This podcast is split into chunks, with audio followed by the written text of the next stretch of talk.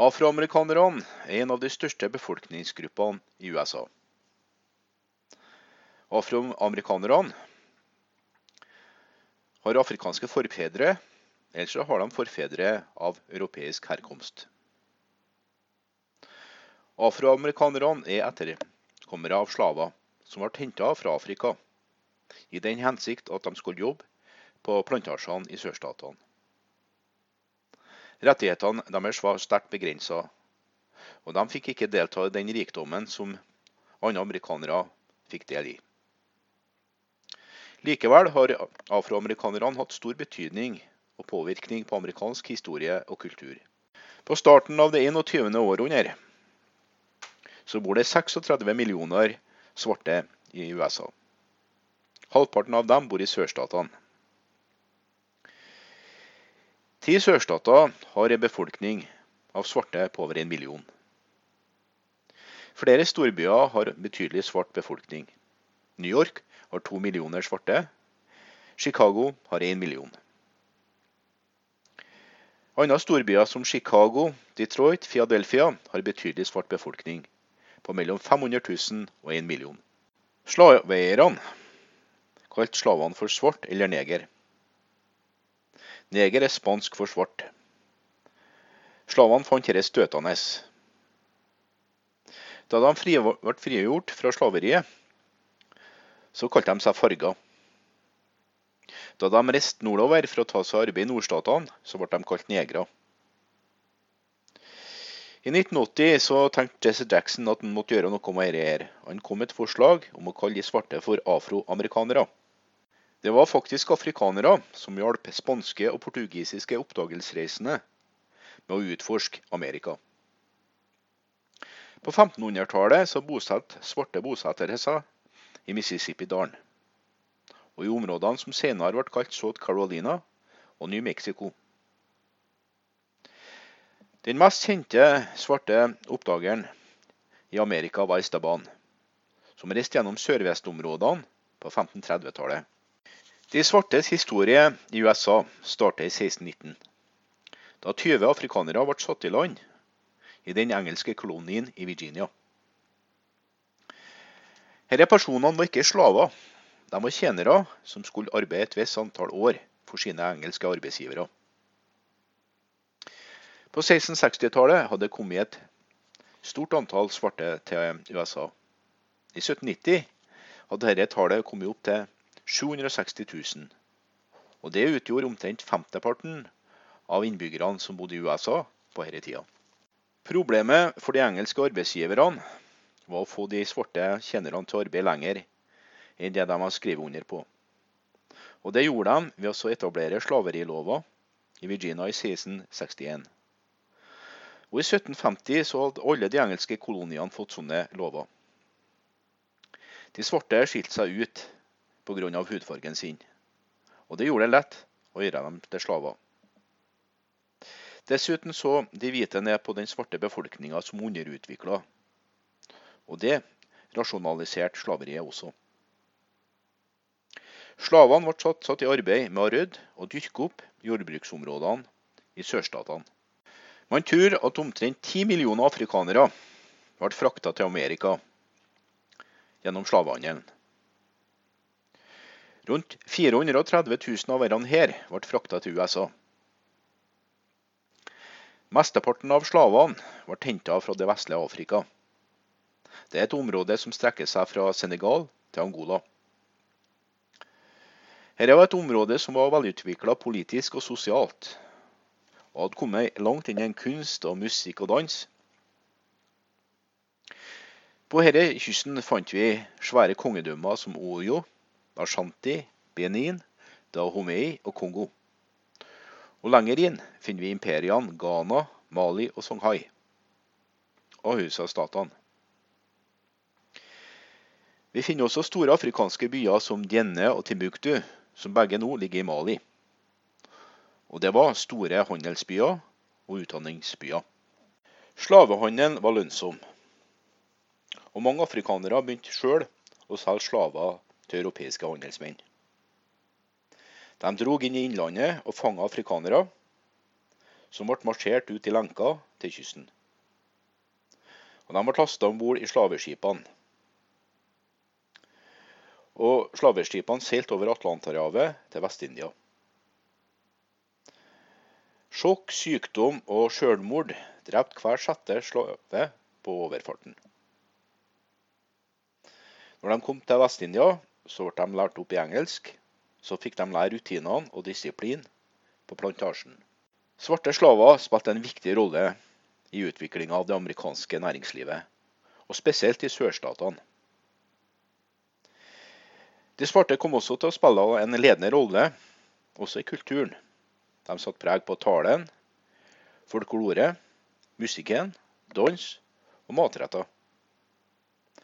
Og afrikansk kultur blanda seg med europeisk kultur. På 1600-1700-tallet så dyrka slavene hovedsakelig tobakk, ris og indigo. Men etter hvert så begynte de også å dyrke bomull og sukker.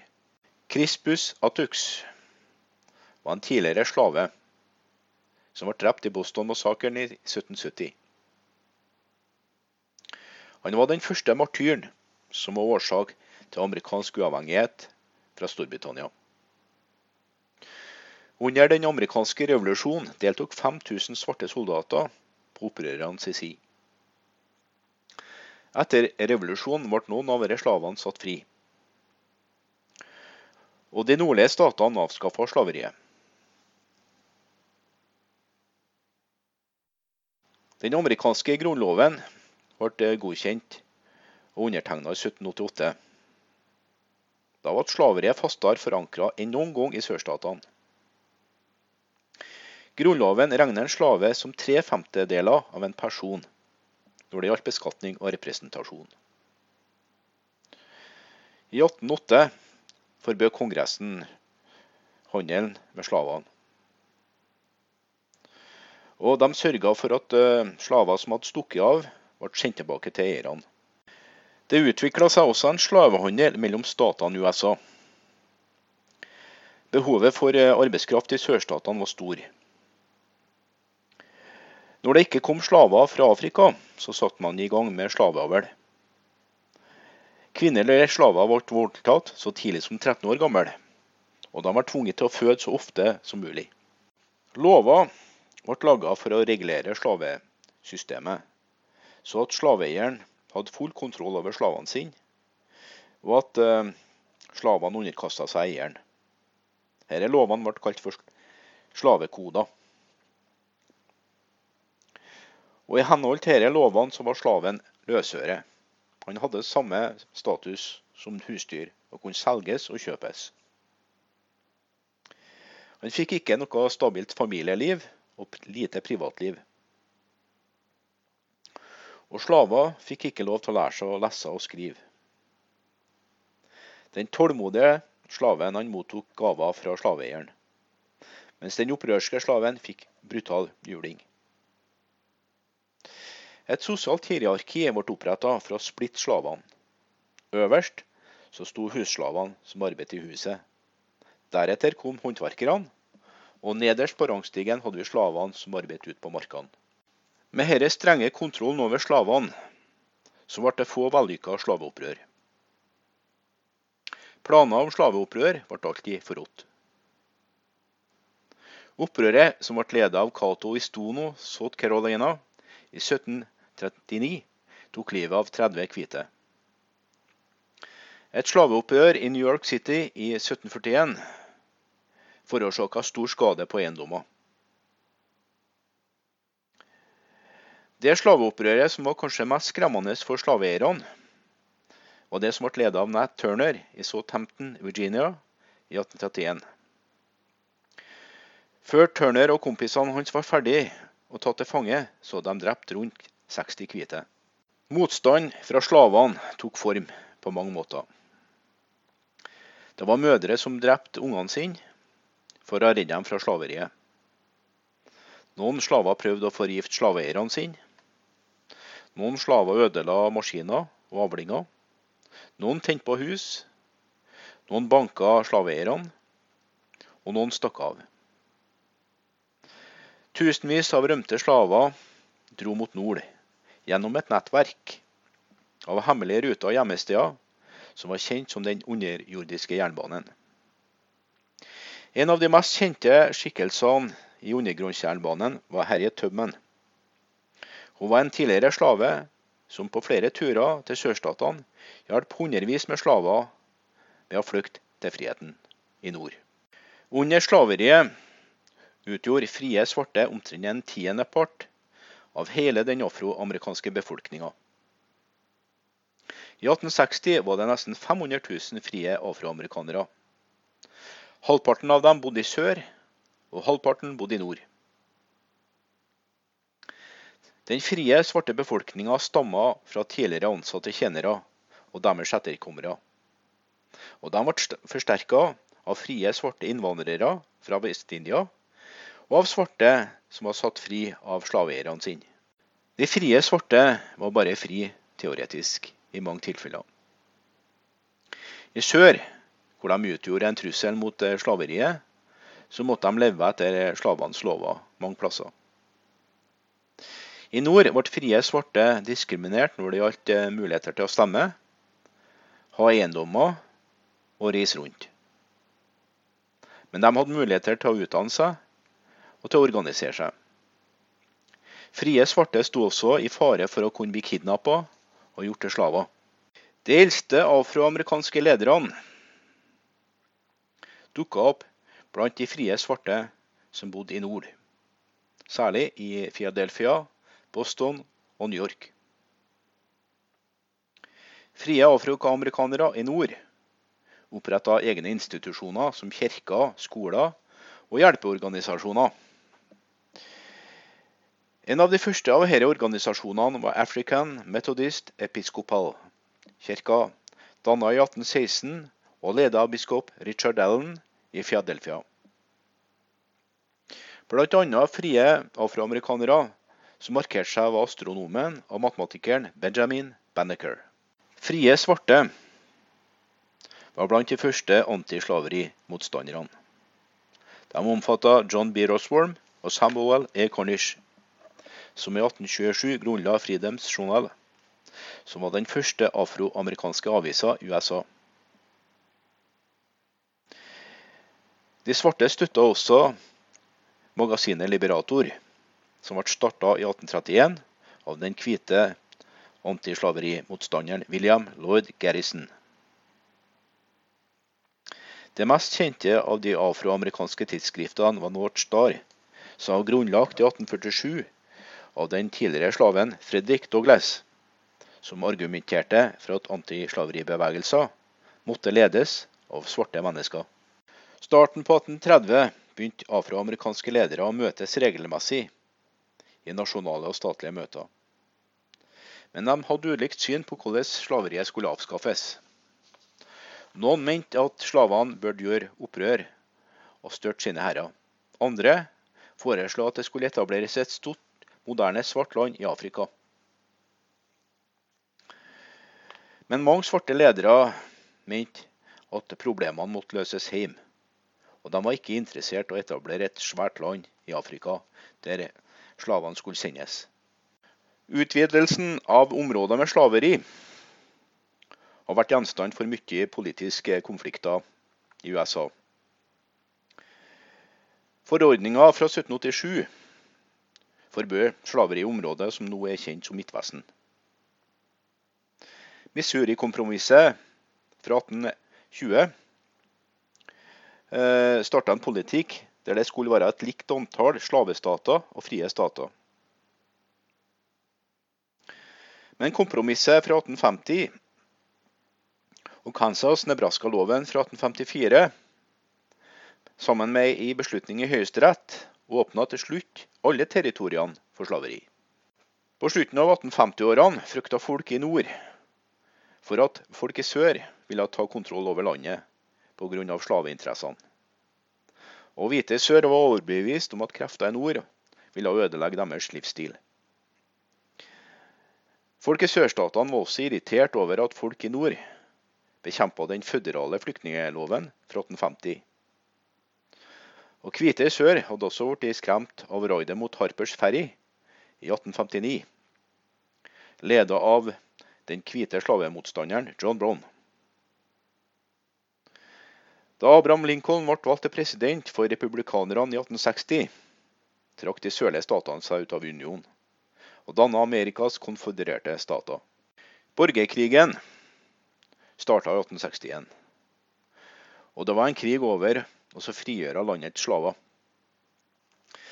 Men det opprinnelige målet til president Lincoln var å bevare unionen, ikke få slutt på slaveriet.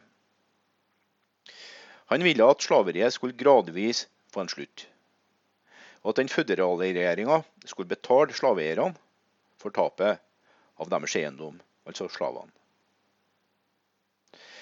Men i september 1862 så utstedte han frigjøringserklæringa og erklærte at alle slaver som var bosatt i stater som var i opprør mot USA fra 1.1.1863, skulle settes fri. Dermed ble borgerkrigen faktisk en krig for å få slutt på slaveriet. Afroamerikanske ledere, som forfatteren William Wells Brown, doktoren og forfatteren Martin Delaney og Fredrik Douglas, de rekrutterte svarte til unionshærens væpna styrker. På slutten av borgerkrigen var det mer enn 186 000 afroamerikanske mannfolk i unionshæren. De sloss heroisk, til tross for at de ble diskriminert i lønn, matrasjoner, utstyr og oppdrag. Og de møtte beinhard motstand fra sørstatenes tropper. Slaver som jobba for sørstatene, de stakk av og rømte over til nordstatenes soldater. Som et resultat av unionsseieren i borgerkrigen og godkjennelse av det 13. grunnlovstillegget fra 1865 ble nesten fire millioner slaver satt fri. Det 14. grunnlovstillegget fra 1868 ga afroamerikanerne statsborgerskap. Og det 15. grunnlovstillegget fra 1870 garanterte stemmeretten deres. Likevel var gjenoppbyggingsperioden fra 1865 til 77 en frustrerende epoke for afroamerikanerne. For disse nye bestemmelsene i Grunnloven ble ofte ignorert og sabotert, spesielt i sørstatene. Etter borgerkrigen ble de frigitte slavene i stor grad overlatt til seg sjøl. De hadde ikke land, og de var uten røtter. Og de flytta rundt på jakt etter arbeid. De mangla mat, klær og husly. De sørlige statene godtok lover som ligner på slavelovene, og de begrensa bevegelsesmulighetene til de tidligere slavene. Hensikten med disse lovene var å tvinge de frie slavene til å arbeide som plantasjearbeidere, ofte til veldig lav lønn. Det føderale Freedman's Bureau ble opprettet av Kongressen i 1865. De hjalp tidligere slaver med å gi dem mat og finne arbeid og hjemme til dem. Dette byrået starta sykehus og skoler, inkludert institusjoner for høyere utdanning, som Fisk University og Hampton Institute. Hjelpeorganisasjoner i nordstatene som American Missionary Association hjalp også de frigitte slavene. Under gjenoppbygginga fikk afroamerikanere politisk makt i sørstatene for første gang. Lederne deres var geistlige, advokater og lærere som hadde blitt utdanna i nordstatene eller i utlandet. Blant de mest fremtredende var Robert Elliot fra South Carolina og John R. Lynch fra Mississippi. Begge var spikere i deres stats representanthus og de ble senere medlemmer av den amerikanske kongressen. Pickney Pinchback ble valgt til viseguvernør i Louisiana, og fungerte også i kort tid som statens guvernør. Jonathan Gibbs var Floridas statssekretær og utdanningsminister. Mellom 1869 og 1901 var 20 afroamerikanske representanter og 20 afroamerikanske senatorer sittende i det amerikanske kongressen. Men den svarte politiske makta ble kortvarig. Politikere fra nordstatene inngikk forlik med politikere fra sør. Slik at nesten alle lederne av konføderasjonen i 1872 hadde blitt minøner, og igjen var i stand til å stemme og innta politiske verv. Ved hjelp av økonomisk press og terroraktiviteter fra Ku Klux Klan ble de fleste afroamerikanerne forhindra fra å delta i valg og å stemme. I 1877 dro de siste føderale troppene ut fra sør, og hvitene i sørstatene hadde igjen full kontroll. Afroamerikanere ble nekta mye av godene i de nye grunnlovene som ble vedtatt i Mississippi i 1890, og i Sør-Carolina og Luciana i 1895. Bare noen få sørlige svarte folkevalgte ble igjen. Ingen afroamerikaner skulle sitte i den amerikanske kongressen på tre tiår, etter at George White fra Nord-Carolina i 1901 var den siste. Gjeninnføringa av det hvite overherredømmet i sørstatene ble ledsaga av rasemessig skille. Fra med Tennessee 1870 gjennomførte alle sørstatene lover som forbød ekteskap mellom svarte og hvite. De vedtok hvordan Jim Crow-lova, der man gjeninnførte raseskille på offentlige plasser. I 1885 hadde de fleste skolene i sørstatene raseskille. I 1896 vedtok Louisiana en lov som krevde atskillelse av passasjerer på jernbanevogner. Og USAs høyesterett vedtok en beslutning i Plessy mot Ferguson som etablerte holdninga at atskilt, men lik. I årene etter gjenoppbygginga fikk mange afroamerikanere ikke jobb i industrien i de store byene i sørstatene. Få afroamerikanere i sør eide sine egne gårder. De fleste var fattige landarbeidere som hadde stor gjeld til de hvite landeierne. De svarte som bodde i storbyene i nord, de klarte seg litt bedre. Men jobbene de søkte på industrien, ble tatt av europeiske immigranter. Jakta etter et bedre liv førte mange vestover. Booker T. Washington var en tidligere slave som bygde ut Tuskegee Institute i Alabama til å bli en skole for industriell opplæring for afroamerikanske ungdommer. I tid var han landets dominerende svarte leder. I en tale han holdt i Atlanta i 1895, snakka han til både svarte og hvite. Han ville at de hvite skulle ansette svarte, og han ba de svarte om å slutte å agitere for politiske og sosiale rettigheter. Han forsøkte også å få start veksten av afroamerikansk næringsliv så han organiserte National Negro Business League i 1900.